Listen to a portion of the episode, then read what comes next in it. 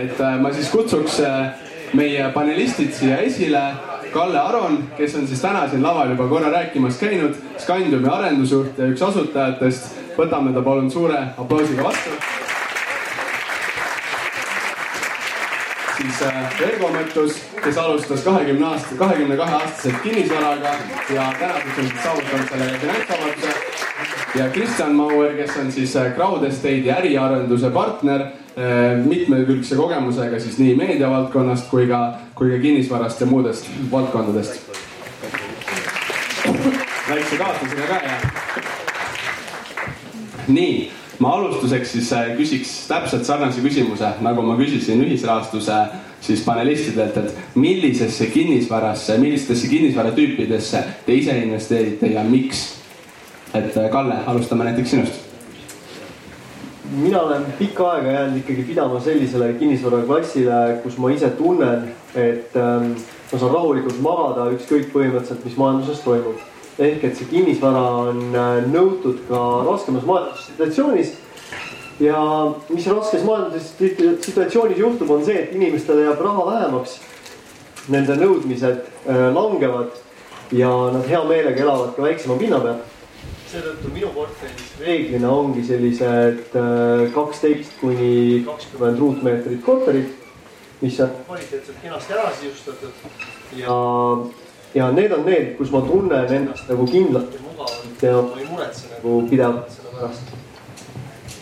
Ergo, kuidas sinuga on? tundub, et äh, sa oled kopeerinud nagu mind vist, et, äh, et mina investeerin ka mitte ei investeeri, vaid arendan siis äh, pigem väikseid kortereid ja üürin neid välja.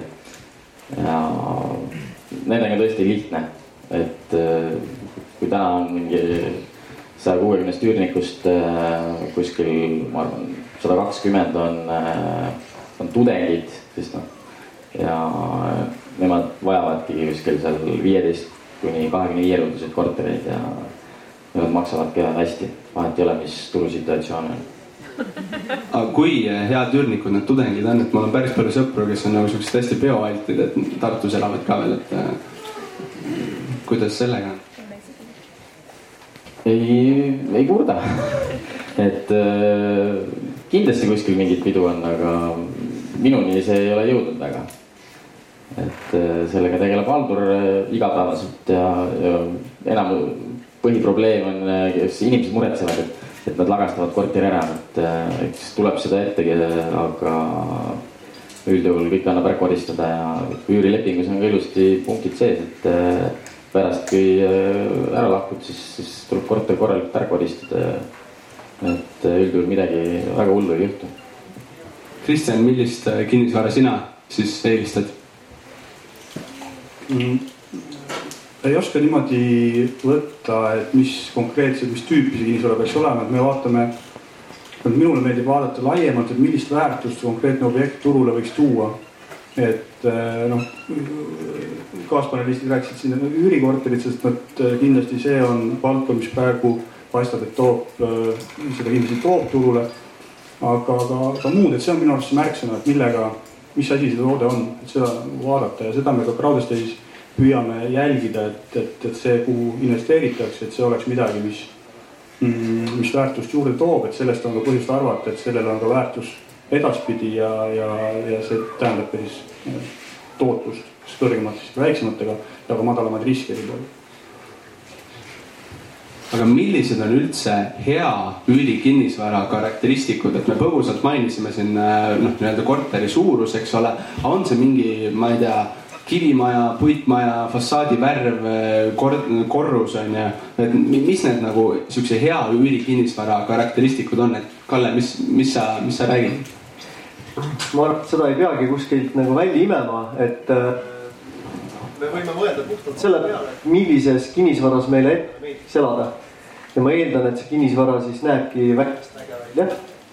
ütleb, fassaad on korras, parem kui see oleks veel mingi kihvt story'ga maja ja, ja noh, seestpoolt ta võiks olla kenasti sisustatud. ma usun, et turuvõitluses, kui äh, pakkumist tuleb rohkem peale, siis lõpuks võidavad need korterid, mis on justkui vähe viisakamalt ka sisustatud.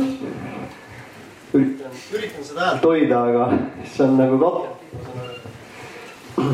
et äh, karakteristik jah, mida suuremaks ta läheb, seda vähem tootlust sa ise selle pealt lõpuks teenid, onju. Et selles suhtes on, et see suurus ei tohiks minu meelest üle paarikümne ruudu minna. ja keegi ei vaja ka nagu minu meelest suuremat, et seal üksi või kahekesi ära elada kenasti.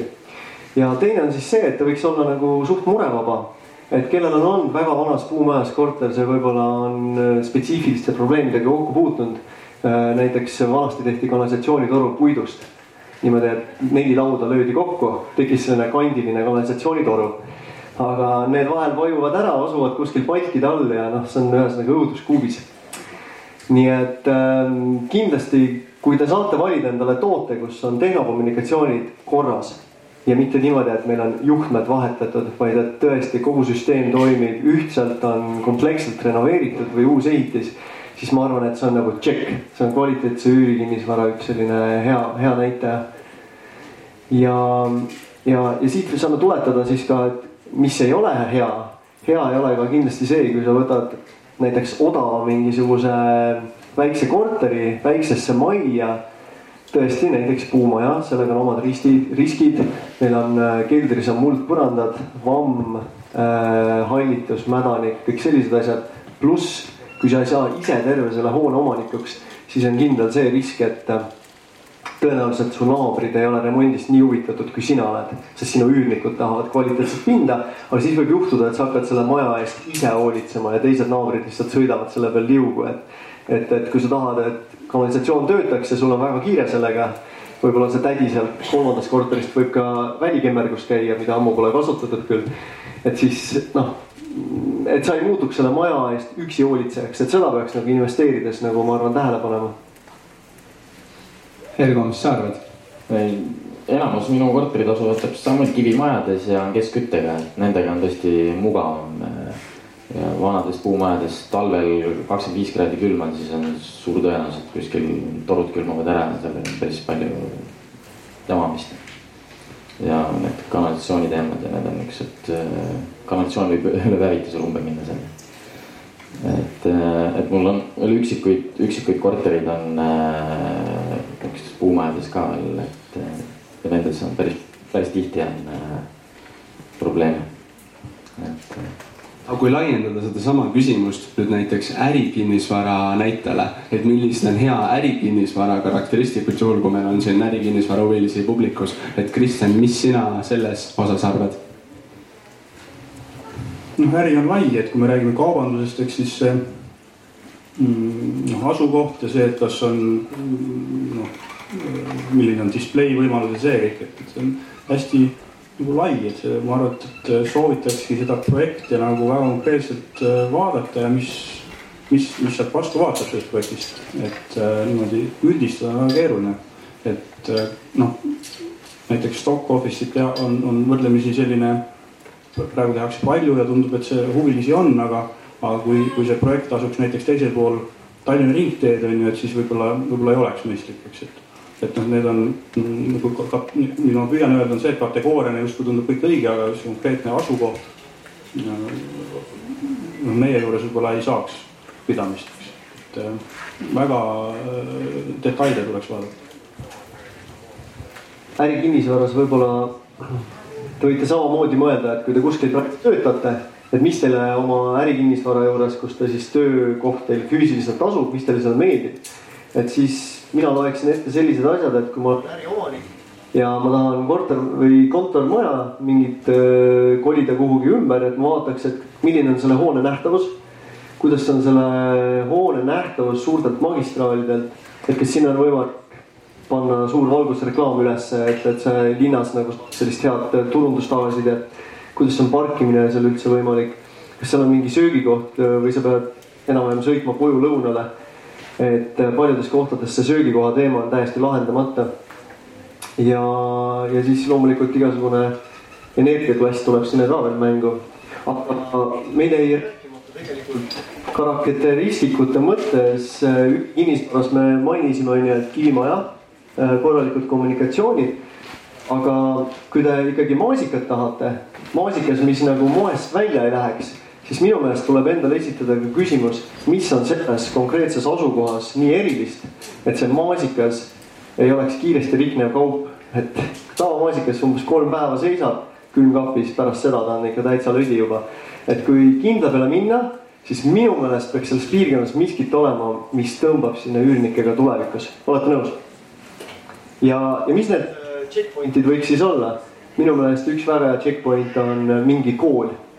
see võib olla kes noh, ütleme, et mingi tööstuskool, kus käib palju noori, ülikool oleks veel parem. Äh, see on see, mis noh, õppurid ja vanemad saadavad oma lapsi ka rasketel aegadel ja veel enam rasketel aegadel, sest hariduse tähtsust väärtustatakse siis rohkem ja hoolitsetakse, et lastel oleks ikkagi head elutingimused, et nad saaks õppimisele keskenduda. Teine asi, kas seal on lähedal äkki mingisugune suur tööstushoone? ma vist räägin kõva häälega, kas on kuulda või? muidu tekib selline, selline imelik tunne natuke jah. et teine tähtis asi on kindlasti see, et kas seal on mingisugune suur tööandja mis tõmbab ligi näiteks välismaal. Mis tõmbab välismaalt hästi palju tööjõudu ligi, et kui Tallinnas äh, Pipedrive äh, teeb endale uue maja, siis ma kujutan ette, et sinna ikkagi, see on üks mahus koht, kus inimesed hakkavad tööl käima, neil on raha, nad on välismaal, nad tahaks mingit äh, väikest kihti üürikorterit seal piirkonnas. nii et, et siis kvaliteetne tööandja, mis tõmbab ligi välismaalt inimesi, võiks tagada sulle hea selle turu. ülikoolid koolid, siis kuidas on seal transpordiga, et võib-olla seal on mingi äge transpordisõlm äh,. äkki see on Rail Baltic, äkki see on äh, Tartu, ma ei tea, bussijaam, raudteejaam ja selle vahetus lähedal. miski, kust rahvas käiks või, või kas turistid kõnnivad sealt mööda ja, ja kas turistidel võiks olla see kihvt koht, kus nad tunnevad, et väga hea.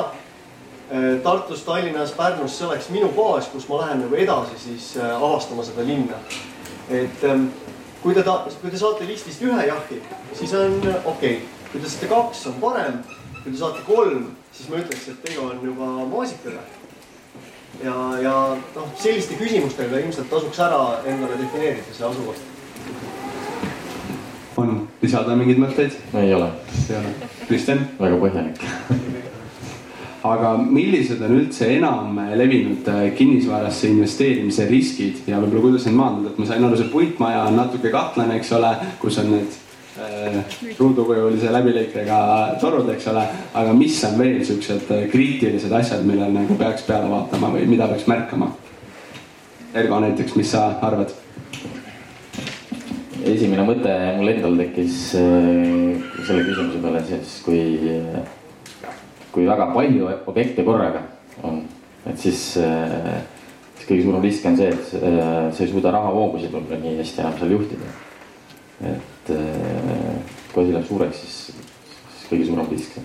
aga kui niimoodi objekti lõikes võtta, siis näiteks viimase objekti puhul, kui ma vaatasin nagu hoone üle, et kivimaja, vahelaed betoonist, mõtlesin, et kolmanda korruse tahan ka välja ehitada, et vahelagi ei ole olemas. pärast selgus, et, et seda vahelage ei saagi säilitada seal. Et äh, kõik, kõiki asju ei saa, ei saagi kunagi nä ette näha, et aga see, see teeb objekti oluliselt kallimaks, kui ma pean kogu vahelae välja vahetama ja lammutama selle. et üks ehituslikku, ehituslikke asju tuleb päris palju, kui hakka, hakata vana maja tegema, siis seal on hästi palju üllatusi alati. et äh, väiksem, vähem riske on siis, kui võtad äh, krundi, paned sinna projekti peale ja tead täpselt palju ehitajatel on ka lihtsam äh, teha eelarvet sinna peale. riskidest, Kristjan, mis sa lisaksid? Mm, kategooria riski kui sellise, et mm, kinnisvaraturg on noh, ikkagi ettearvamatu, et et, äh, et see on võib-olla asi, mida, mida keegi teine ei ole jõudnud lavalt alla öelda täna või siin, siin, siin istudes, aga. ja kui rääkida võib-olla mm, arendustest, et mis nagu uutest arendustest, arendaja risk, et milline on tema portfell ja milline on tema suutlikkus mm, arendust lõpuni viia, et võib-olla investor võiks tahta kõige vähem seda, et tal on investeering, investeering nagu pooleli olevas majas, mille nagu saatus on nagu ebaselge et selline nagu lõpuni sõitmise võime arendaja poolt võib-olla oli asi, mis hüppas pähe. lisaks siia seda, et kuigi me teeme välja siin väga kenasti, et kinnisvaraturg on noh, mõnes mõttes ettearvamatu, siis mõned asjad on kinnisvaraturus ka äärmiselt kindlad. see ei kao ära. Äh, kinnisvara ise ei kao ära, et ta säilib ja sellega võtame juba ühe väga suuri riski tegelikult oma investeerimise teel maha. sest ähm, noh, kes kunagi võib-olla investeeris USA-s Orkutisse, siis noh, selline asi kadus üldse ära.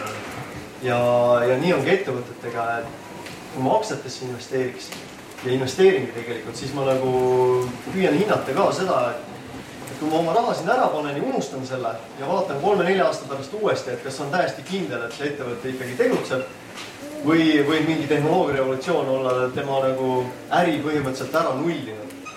nii et kinnisvara puhul, kui me juba selle suure varaklassiga tegeleme, siis ma ütleks, et suur risk on maandatud et, et ei jää sellest tootest nagu lõpuks ilma.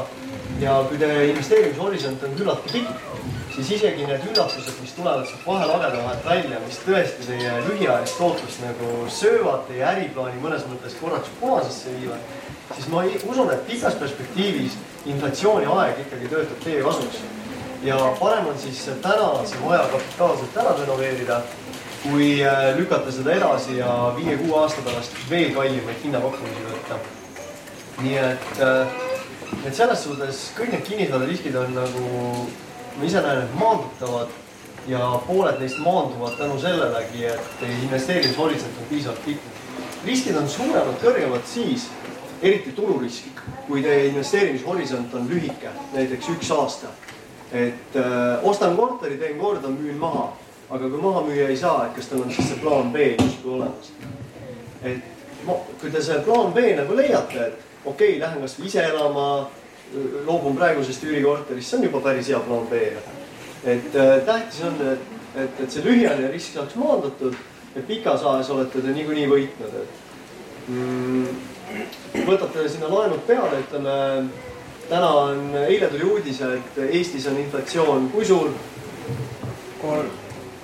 neli juba tegelikult, neli protsenti ja Euribor on negatiivne isegi noh, ütleme, et sellistest tingimustest need, kes on kaeva, kaevikusse ennast kaevanud ja ootavad äh, suurt sellist mingit turu kukkumist, et ma arvan, et, et äh, turvalisem strateegia on ikkagi natukene varades ka sees olla äh,. sest inflatsioon ja aeg töötab vara, noh, rahas istuja kahjuks on ju. et äh, sajast, sada tuhat istub kontol, siis homme on see või järgmine aasta on see väärt heal juhul üheksakümmend kuus tuhat, aga tõenäoliselt veel vähem toon sellise näite, et ähm, Maidal on üks lahe selline eraportfellis üks arendus, kümme pisikest üürikorterit ja ta võttis sinna pakkumuse vähem kui aasta tagasi mingi remonttöö tegemiseks, mingi töölõik, äh, kuus tuhat kuussada eurot. ja hetkel ta paneb selle lõigu nüüd töösse, see projekt läheb siis ehitusse ja ta võttis siis, palus äh, alltöövõtjatel hinnad uuendada. arvake ära, sama töövõtja, täpselt sama töömaht, midagi pole muutunud ja palju tuli pakkumus nüüd? eelmine oli kuus tuhat kuussada. õige, kümme tuhat. see tähendab, et kui räägitakse, et ehitushinnad kasvavad siin äh, mõned protsendid aastas või, või kvartaliski, siis ma ütleks, et see kõik on ikkagi liiga vähe. Need hinnad kappavad nagu kahekohalise numbriga eest ära. nii et minu soovitus oleks, et kui te oma selle maasika leiate, ehk et ta vastab nendele tingimustele, millest me enne rääkisime, hea asukoht, mis tõmbab inimesi ligi ka tulevikus normaalsed tehnokommunikatsioonid. ja isegi kui neid tehnokommunikatsioone ei ole, siis looge need võimalikult ruttu ära. täna on see kindlasti odavam kui homme. ja kaks tuhat kümme aasta oli see ka oluliselt odavam kui täna, nii et noh, ükskõik mis perspektiivi ajaloos me vaatame, alati oli remont kvaliteetselt tehtud, kasulikum otsus, kui lükata seda edasi nagu tulevikku. et see oleks soovitus võib-olla. ma siit kohe küsin edasi, sa mainisid, tõid välja need head Äh, nii-öelda kinnisvara karakteristikud, kõik need asukohad, aga millised, saad sa mõningaid näiteid tuua nendest asukohtadest, et mis on näiteks sinu hinnangul need head asukohad siis nii Tallinnas, Tartus, mujal võib-olla linnaosade lõikes kasvõi, et mida sa näiteks pead nendeks? ma ei hakka siin jalg, jalgratast leiutama selles suhtes, et me Scandiumis seda oma projektide valikul oleme ka ju pidevalt analüüsinud. ja hetkel me oleme positsioneerinud Tallinna, Tallinnast rääkides selliselt, et äh, hea piirkond on äh, Ülemiste, sest Ülemistesse arendatakse siis Rail Balticu peajaam, eks ole, T1 kaubanduskeskus, mille katusele väidetavalt tuleb tohutu vaateratas nagu London Eye. et äh, lisaks siis Ülemistegi, mainan Ülemiste selles äh, ärilinnakus, kui palju inimesi seal töötab, et, äh, et see võiks olla koht, sikupildi siis kõik see ümbrus, kus üürikorterite järgi nõudlus pigem saab ainult kasvada. teine äge piirkond on kindlasti Mustamäe. Mustamäele me sellest lähtuvalt arendasimegi siis selle oma esimese üürimaja Space Cube'i. meie loogika oli see, et Tallinnas Mustamäel on Tallinna Tehnikaülikool, mis on lõputu turg, eks ole. igavesti käiakse seal koolis. teine äge asi on see, et selle ümber on tulnud väga kihvt tehnoloogialinnak. Nii väikeste startup idega kuni suurte Skype'ide ja Starship Technologies pakirobotiteni välja. mis tagab sinna siis selle moosikas number kaks tingimuse, et jällegi välis, välisspetsialist ja õppejõud tuleb seal mõjutada. nii et ise ise näeme, et Mustamäe, TTÜ, Tallinna Majanduskooli ümbrus on see äge piirkond. sellest lähtuvalt me positsioneerisime äh, Laava projekti, mis on siis uus üürimaja Mustamäel, mida me arendame samuti siis äh, Mustamäe sellisesse uude südamesse. ja Tallinnast veel muidugi, kui sa kesklinna leiad mingi sellise koha, kus sa saad teha väikseid pindu, siis see on kindlasti nagu hästi. meil omal on Tallinna Ülikoolist üle tee sadamale väga lähedal, Kadrioru pargi kõrval, suunitlusega nii turistidele kui siis ka tudengitele on avangardimaja. et teeme sinna ka siis kahekümne ruuduseid natuke eksklusiivsemaid kinnisvara, mis võiks sobida nii üürimiseks siis pikaajaliselt, aga et nad saaks võtta koorega siis suvisest turismiperioodist nagu Airbnb kaudu meie need kliendid, kes sinna investeerivad Tartu kohta, ma olen ise Tartust pärit. ma ütleks, et kõik see kesklinna piirkond on väga vägev selline, seal on hea vibe, et kui ma õhtul satun Tartusse, siis see on nagu jalutaks nitsas natuke. inimesed on õhtul tänaval, need kokteilid voolavad ka nagu sinna tänavale klaasidega ilusti, et hästi mõnus selline atmosfäär. ja võiks olla nagu aasta läbi seal tegemist mm,. Aparaadipiirkond võib-olla ma arvan, et äh, Ergo võib-olla räägibki Tartust lähemalt, et Tartus on tal hästi palju asju, et tunneb seda turgu võib-olla isegi tugevamalt, aga, aga Scandium iseenesest äh, täiesti on, äh, me oleme sihikule võtnud, et Tartu kesklinnaga tahaks ühe ägeda üüriprojekti teha tegelikult. aga kuidas Tartuga on siis? jah, Tartus tõesti kesklinn, kesklinna piirkond, Vaksali Vanemuise siis aparaaditehase piirkond Need on hästi-hästi populaarsed, võib-olla ülikooli on tõesti sealt, ma ei tea, viis-kümme minutit jala, jala kõndida. et enamus mu objektid on tä täiesti siis nagu kesklinn, üks, kelle, ei, valetan, viimane objekt on täiesti vanalinnas või kesklinnas. ja enamus on siis kesklinna piiril. et see on super koht. aga kui võtta näiteks Pärnud, Viljandid, Narvad Tapad. et äh, kuidas äh,, kas seal võiks ka mingit huvitavat äh, investeerimissteisi või ideed olla? Ergo, mis sa arvad? ei ole Pärnusse kunagi investeerinud midagi ostnud, aga ma arvan, et populaarne on seal see Tamm, Tammsaare tee, see, kus ranna, randa on nagu põhimõtteliselt jalutades minna, see, sinna nagu tasub ma arvan, et nendes väike, väike-puuralt linnades, kasvõi Haapsalu näiteks, on kindlasti omad äh, nišid, kus sa võid raha teenida. et seal soetusmaksumus on ühest küljest odavam, aga turist, kes sinna tuleb, tahab saada samasugust kvaliteetset äh, pinda, nagu ta on harjunud saama võib-olla Tallinnas, võib-olla Nitsas, kuskil mujal Euroopas. nii et nõudlus justkui on ja näidete ka kaugelt otsima Jaak Roosaarel on ka pere peale justkui Haapsalus üks-kaks sellist äh, Airbnb korterit. Need lähevad välja kohati kõrgema hinnaga kui Tallinna vanalinna korterid, sest seal on pakkumust vähem. ja samas toimub hästi palju festivale, hästi palju üritusi, American Beauty mingid asjad, Valge daam ja paljudest ma ilmselt pole kuulnudki, aga need on mingid erialavärgid, et nišikad inimesed käivad ja, ja neile meeldib seal käia nii et selles suhtes Pärnu samamoodi, et äh, mul tegelikult hea sõber plaanib teha sellist projekti, et ostab Pärnusse vana puitvilla, äh, renoveerib sealt mingi osa nagu oma perele. ja ülejäänud siis väikekorterid annakski nagu suvel lihtsalt välja. et, et, et see on selline nišitoode, kus kindlasti on nagu võimalusi teha nagu head tootlust ja luua väärtust, et me, me räägime siin täna, et kuidas leida maasikat. Kui ma ütleks niimoodi, et äh, ega see maasikas ka päris õhust ja armastusest kuskil peenras ei sünni, onju. et see maasikas sünnib ainult tänu sellele, et mingi vend tuli, istutas väikse maasikataime maha, kastis ja päätas, hoolitses selle eest, et seda maasikat tegelikult alati me loome ise. et jube lahe on, et kui oleks nii, et noh, me ajastamegi siin ära, et ostame odavalt, müüme kallilt, et see on meie kinnisvaraga rikkaks saamise mingi strateegia. Aga ma arvan, et jätkusuutlik strateegia on ikkagi see, et, et see on kinni, kinnisvara on äh, äri, ärivaldkond, kus sa saad ise mõjutada seda toodet. sa saad võtta sisuliselt äh, tammetõru ja kujundada sellest maasika. ja vahel see tammetõru võib olla ikka väga pehkinud ja hallitanud, onju. aga sul on võimalik seda protsessi mõjutada, et Coca-Cola juhtkonna otsuseid ma ei mõjuta mitte ühegi valemiga. et seal ma saan ainult ajastada loota, et ma olen targem kui Stig, kes on Harvardis käinud, onju.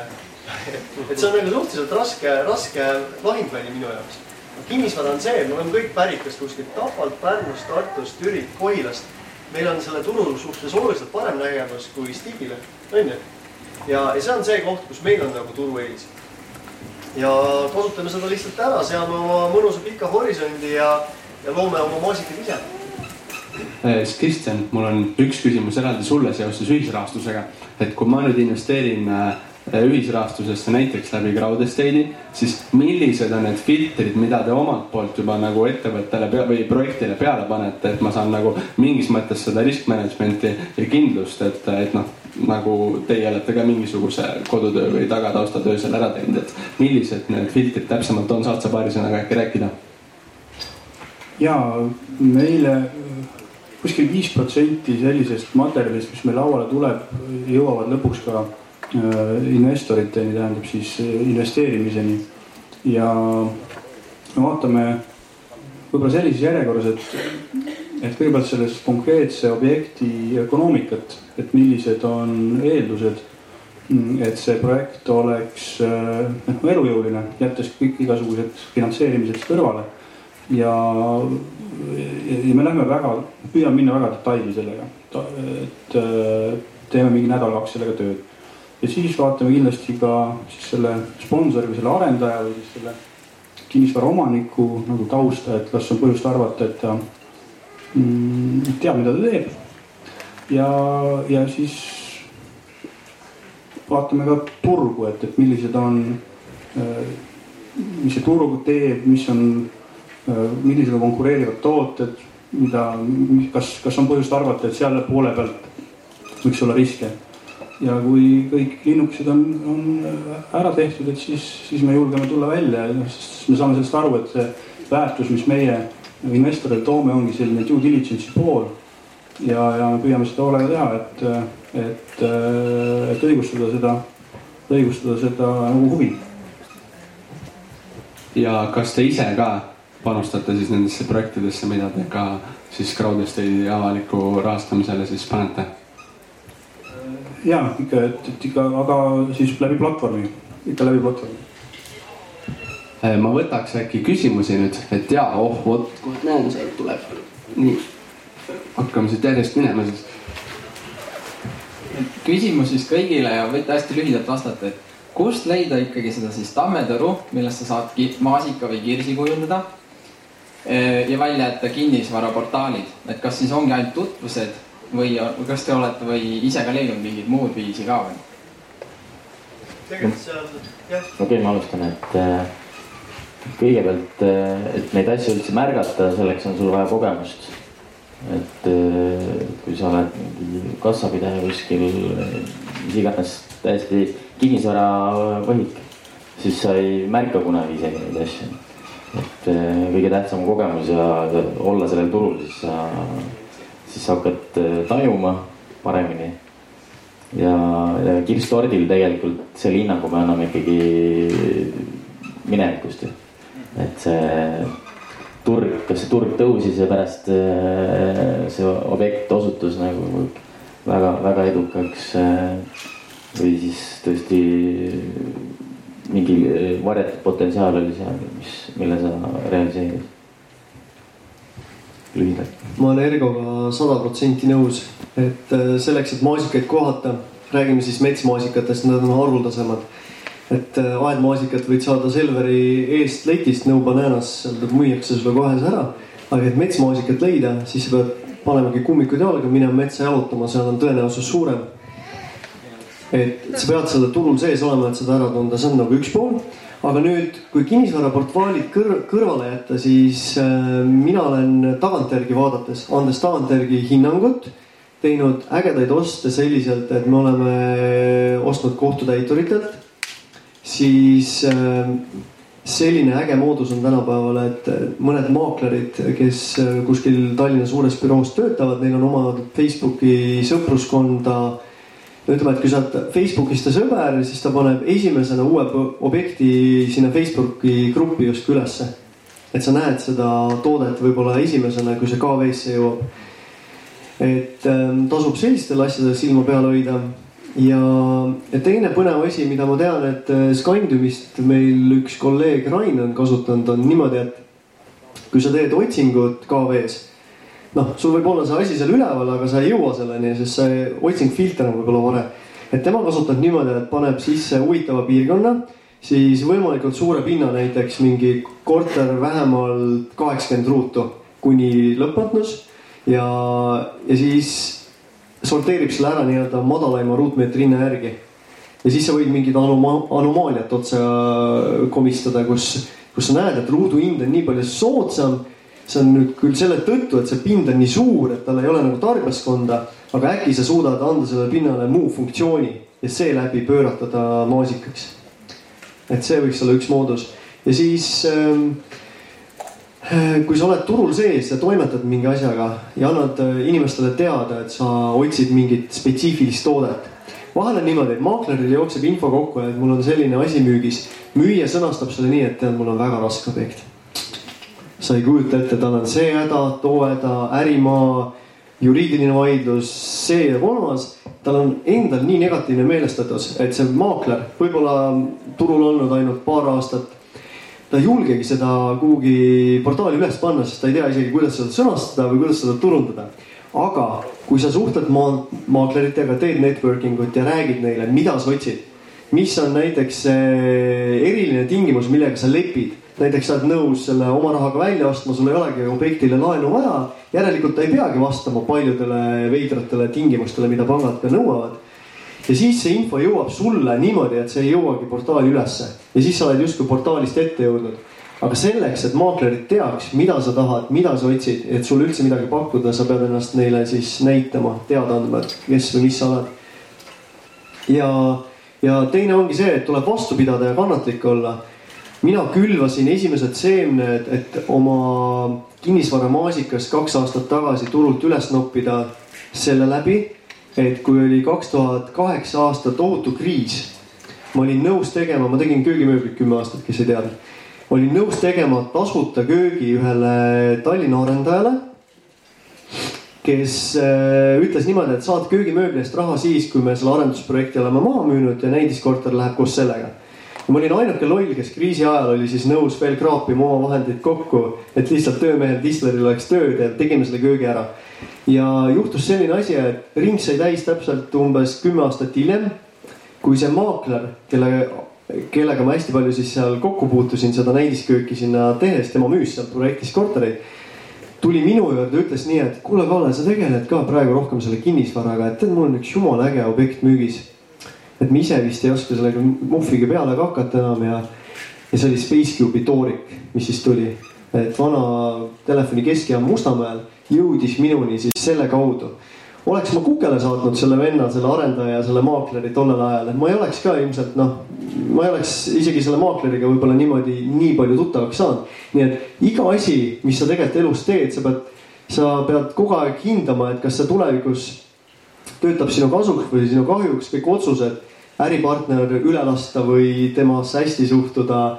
kõik sellised otsused võivad aastate pärast jõuda ringina sinule tagasi väga kriitilises faasis, kus see määrabki selle, kas, kas, kas sa teed oma võib-olla mingi supertehingu või see libiseb kuhugi sinust mööda. nii et, nii et ole kannatlik, ole turul, anna teada, et sa oled turul ja, ja siis võib see asi kõik juhtuda ühel päeval mm,. mulle on sümpaatsed sellised fiction flip tüüpi asjad. ma ise muidugi liiga palju sellega tegelenud ei ole, ma olen omaenda maja sellisel viisil teinud, aga ma kujutan ette, et lisaks sellele tootlusele, mis sellest võib tekkida, see on tubli annus ka sellist eneseteostust, mis noh, mulle nagu sümpatiseerib, et sa saad midagi teha nagu oma käe järgi. Ja see on see võib-olla kõige sümpaatsem asi selle juures, mis ma, mis ma välja tooks, et, et kui sellest oli abi. aitäh nii, me saame kiiresti ühe küsimuse veel võtta, teeme siis sealt. nii kiirelt siis, äh, kui Kalle mainis seda ehitus äh, noh, nii-öelda kuus tuhat kuussada ja nüüd kümme tuhat, et on teil mingi lühidalt oma arvamus, et noh, kui te olete kogu aeg seal ehituses sees, et noh, see ei saa lõputult niimoodi minna, eks, et nüüd on kümme tuhat ja aasta pärast on kakskümmend tuhat ja et mis seda hinda siis nagu tõstab, on see ehitusmaterjalid, on see nagu tööjõupuudus? Äh, kas selle arvelt ka mingi kvaliteet kannatab või noh, kus te näete nagu ütleme viie aasta pärast, et kas see, noh, mis see, mis see edasi, see ei saa niimoodi lõputult kesta, see on nagu jabur juba natukene, et, et teie kiire arvamus üldiselt selle ehitushinna ikkagi ajabki nagu iga hinna üles nõudluse ja pakkumuse vahekord. et kui äh, ehitusbrigaade on viis, aga arendajaid on kümme, kes on kõik sõlminud mingeid eellepinguid, mis ajaks ta maja valmis saab, siis nüüd ongi positiivne probleem meil ehitajatel mõtled, okei okay,, et ma olen sulle lepingu teinud, et viie tuhandega tulen, teen sulle ära, aga kui see teine tüüp on ikka ilgelt hädas ja mulle kümme maksab, siis noh, sorry, business is business ja ma lähen teen talle kümne tuhandega ära. et kindlasti see on üks asi, mis surub seda üle, ülesse ja seda saab rahustada ainult see, kui ähm, ehitatakse tulevikus vähem ja, ja see stabiliseerub natukene. see, et hinnad nagu meeletult langema hakkaks, et ma ei tea, kui te, kes, kes on nii vana ja kes mäletab, et kui oli kaks tuhat kaheksa, kaks tuhat üheksa aasta, et äh, kinnisvarahinnad võisid küll sealt poole võrra langeda, aga palgad tegelikult noh, poole võrra ei langenud, et see oli pigem niimoodi, et, et sind lasti kas lahti või siis võeti kakskümmend, kakskümmend viis prossa palka alla aga, aga keegi nagu päris poole raha eest minu meelest tööle ei käinud, et pigem koondati, onju. nii et ähm, ikkagi tahtsid ka siis torumeest tellida siis noh, maksis võib-olla vähem kui päris buumi ajal, aga ikka maksis päris palju, nii et. nii et ma sellist hindade meeletut langemist ei näegi, et pigem me läheneme sellele, et. et me liigume Põhjamaade suunas ja hinnad, hinnad nagu tasapisi inflatsiooniga pidevalt lähevad üles ja see ongi uus normaalsus, et. Et kõik tööd, mis me täna ära teeme, homme maksavad lihtsalt veel natuke rohkem ja, ja nii ongi. minu arvamus, ma ei tea.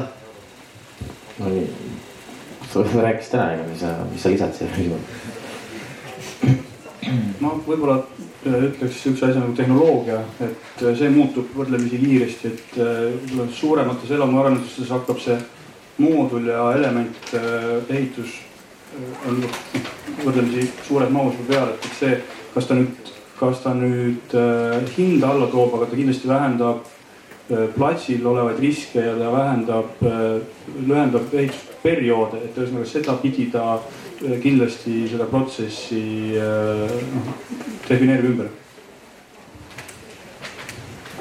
nii, aga nüüd on aeg sealmaal, kus äh, kõhud on tühjad ja me peame lõunale minema, et äh, ma suur tänu, suur tänu teile meeldiva vestluse eest. Sinu peale hästi number vastutus on meile. Kristjan, suur tänu sulle. Ergo, suur tänu sulle ka et äh, ma siis täpsustan kiirelt üle, lõunasöök. ma arvan, et see festival on nagu eraldi äh, teema, sest et siin on selline vabam õhkkond, et see on unikaalne võimalus leida teisi investeerimishuvilisi ja inimesi, kes õpetavad seda asja, kes võib-olla ei õpeta, aga tegutsevad tihtipeale isegi palju suuremates mahtudes kui need, kes õpetavad, eks. et see on nagu selline ainulaadne võimalus vabas keskkonnas leida Eesti tegijaid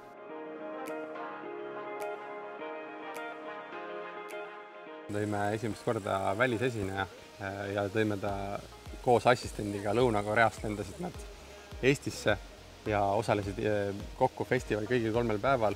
välisesineja toomine Eestisse on hästi suur edasiminek meile endale ja kindlasti osalejatele, kes tulid.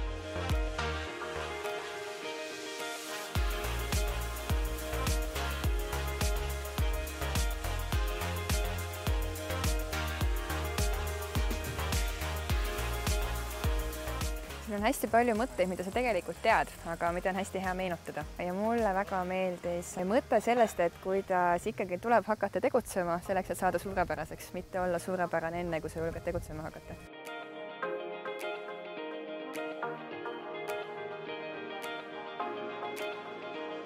Korvpall jah, tõesti oli väga lahe. Ja minu meelest see on nagu super näide sellest, mis kinnitab, et, et pane kõigepealt strateegia paika, et mida sa hakkad tegema, jää sellele kindlaks ja siis tee.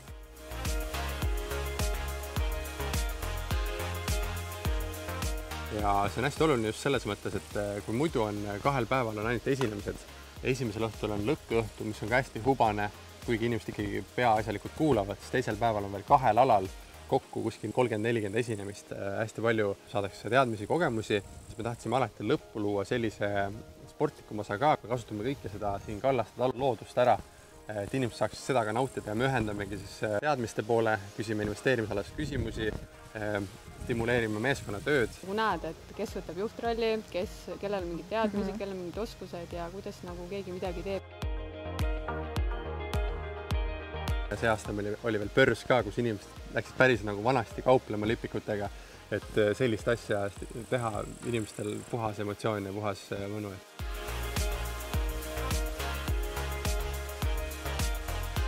investeerimine on selline suht numbrite teema, aga lisades loodust, lisades sportliku poole ja hommikuti on meil ka jooga ja jooksmine, see annab äh, sellele elustiilile teistsuguse tähenduse,